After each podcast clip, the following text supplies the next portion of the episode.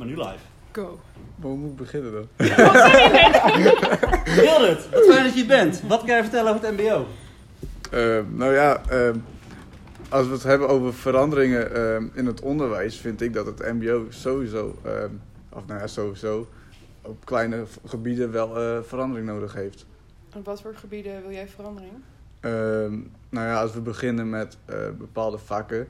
ehm, het MBO heeft verplichte vakken zoals Nederlands, eh, Engels, ehm, eh, burgerschap volgens mij. Duurzaamheid. eh, duurzaamheid. Ja. Ehm, ik, ik denk, het, zijn studenten, leeftijdsgenoten van eh, wat ik zelf ben. Ik zit op het HBO.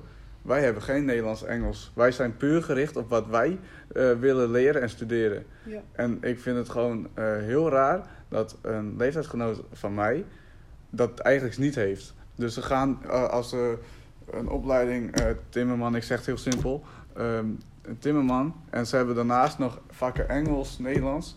Ik denk dat ze dan minder gemotiveerd bij Nederlands en Engels zitten dan bij hun eh, praktijkvakken. En daar zie ik een verschil. Ik denk dat daar anders moet, daar wel verandering in moet zitten. En maar hoe zou je het dan willen zien? Ja, ik denk toch wel meer echt naar het, het, het stu- studentonderwijs. Zelf keuze willen eh, creëren. Ja. Echt voorbereiden naar waar ze naartoe willen. Ja. Ik zit nu op het MBO ook en eh, wij moesten de laatste tijd aansluiten bij de examens die ze daar doen. En dan heb je hoveniers die moeten presenteren. Ja, verschrikkelijk vinden ze Ja. dat. ja. Past echt niet bij ze. Ze zijn doodzenuwachtig. Ze vinden het verschrikkelijk om te doen. Ze zullen het ook nooit weer van hun hele leven doen. Denk ik, waarom ligt dan daar de focus op dat ze dat moeten presenteren? Kun je dat Precies. niet op een andere manier naar boven brengen om te laten zien dat ze dat kunnen, zeg maar. Ja. Dat ze die, eh, nou ja, dat ze die kennis beschikken. Daar zou ik wel een verandering in willen aanbrengen. Ja, Goeie. dat, dat zie ik wel zitten. Ja Ja. in het mbo.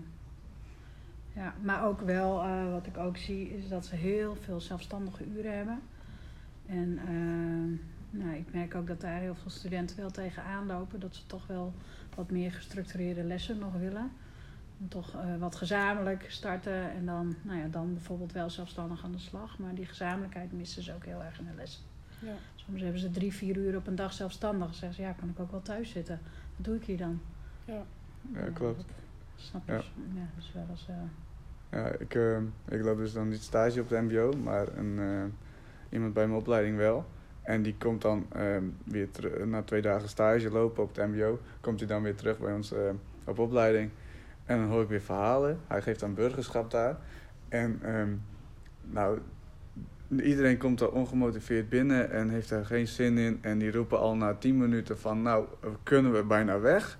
Ze, ze, ze willen eigenlijk daar gewoon niet zijn. En ehm, dus, eh, ook wat, eh, wat jij net, zei, van, ehm, dat ze samen willen zijn. Ehm, het is een vak waar volgens mij drie verschillende klassen bij elkaar komen. En ja, het, daar is gewoon geen sa- samenhorigheid in die klas. Je ziet gewoon, die zit daar, die klas zit daar en die klas zit daar. En vooral bij een, een, een, een vak als burgerschap, eh, ja, je krijgt, eh, waar vooral dus de leerling eigenlijk zijn eigen mening moet leren vormen.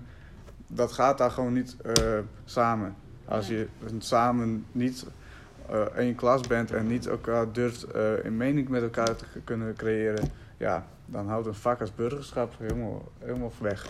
Ja, terwijl burgerschap is juist heel mooi om aan te sluiten bij je doelgroep. Je kunt dingen bespreken Ja. bij burgerschap wat in hun wereld speelt. Ik denk, want ik hoor ook van heel veel mbo's, die hebben gewoon niet eens een methode voor burgerschap. En dat moet je zelf maar uitzoeken. Terwijl, hoe mooi is het dat je met leerlingen in gesprek kunt gaan over hun belevingswereld.